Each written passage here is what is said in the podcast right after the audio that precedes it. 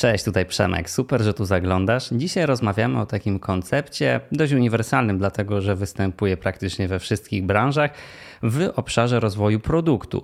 Czy to fizycznego, czy to cyfrowego, wszędzie tam, gdzie powstaje coś nowego, proof of concept, bo to o nim mowa, ma zastosowanie. Jednak w świecie oprogramowania występuje wyjątkowo często. Dlaczego? O wszystkim w dzisiejszym odcinku. Zapraszam.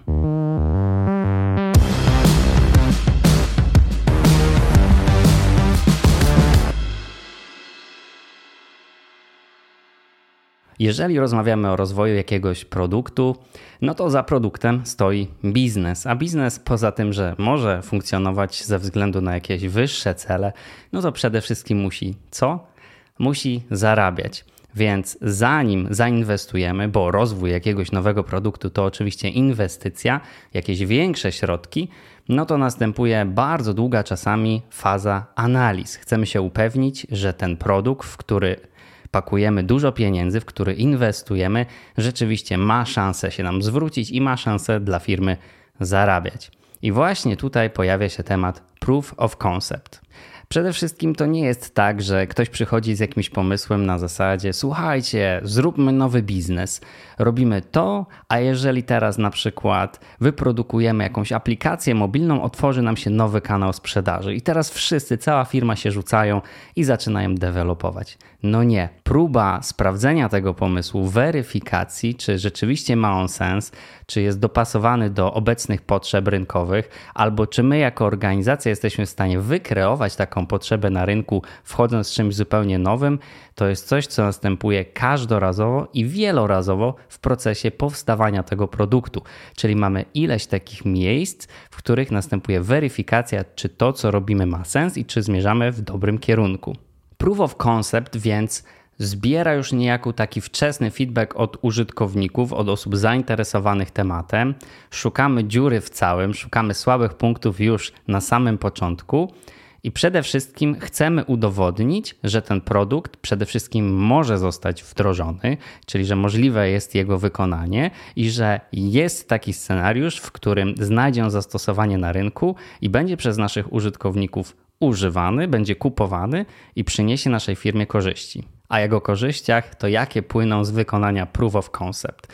Przede wszystkim jest to jakiś bardzo wstępny etap szkicowania naszego produktu, więc jesteśmy w stanie już zrozumieć, jak potencjalny rynek, jak nawet nasi koledzy z innych zespołów będą na ten pomysł, na ten produkt reagować bardzo wcześnie, jeszcze zanim w ogóle przystąpimy do jakichkolwiek poważnych prac deweloperskich. Czyli w tym sensie jest to taka sama funkcja jak w przypadku późniejszego prototypu czy MVP, Minimum Viable Product, jednak Proof of Concept występuje na bardzo wczesnym etapie. POC, bo to też usłyszymy w polskich firmach, ma na celu sprawdzenie wykonalności projektu i tego, czy zawarte w nim koncepcje, teorie mają prawo się udać.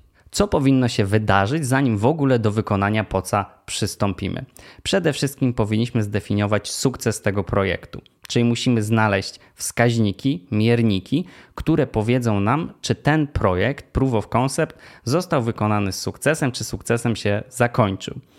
Czyli dla przykładu, jeżeli sprawdzamy tutaj możliwość wykonalności tego produktu, to jeżeli ustalamy, że ten produkt będzie później sprzedawany w kanale partnerskim, to czy w ogóle mamy zidentyfikowanych potencjalnych partnerów, którzy rzeczywiście mogą być dla nas resellerami i dystrybuować nasz produkt na rynku. Czy są w stanie zapewnić nam odpowiednią skalowalność, jeżeli zakładamy wzrosty, a zwykle takie będziemy zakładać w procesie rozwoju tego produktu już biznesowo na rynku.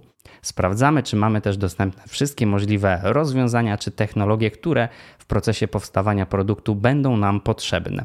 Druga rzecz to jest oszacowanie timeline'u, czyli czasu trwania i budżetu, który będziemy musieli przeznaczyć na proof of concept. To może być bardzo wstępny szkic naszego produktu, jednak jest projektem i tak też musimy go traktować. Musi więc mieć swoją oś czasu, musi mieć więc jakieś punkty, które będziemy po drodze weryfikować, jakieś etapy i musi się zmieścić w wyznaczonym budżecie.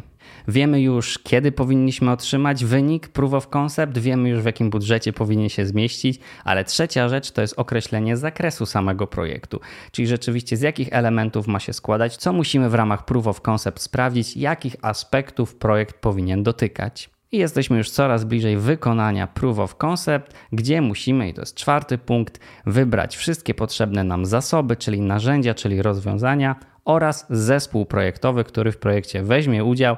I tutaj, tak jak przy każdym strategicznym projekcie, im lepszy zespół, tym lepszy rezultat. Chcemy uniknąć takiej sytuacji, w której dowozimy poca z sukcesem, bo mamy spełnione wszystkie wskaźniki sukcesu, jednak później okazuje się, że sam pomysł był nietrafiony, bo na przykład proof of concept był źle zorganizowany. A co powinno być efektem proof of concept? No to przede wszystkim powinna być odpowiedź na pytanie, czy produkowanie, czy tworzenie, czy rozwój tego produktu w ogóle ma sens. Jeżeli odpowiedź jest twierdząca i mamy decyzję biznesową, że tak, że chcemy przejść do następnego etapu tworzenia tego produktu, będziemy rozmawiać o prototypie, później będziemy rozmawiać o MVP, Minimum Viable Product, o którym opowiadałem w osobnym odcinku, do którego serdecznie zapraszam.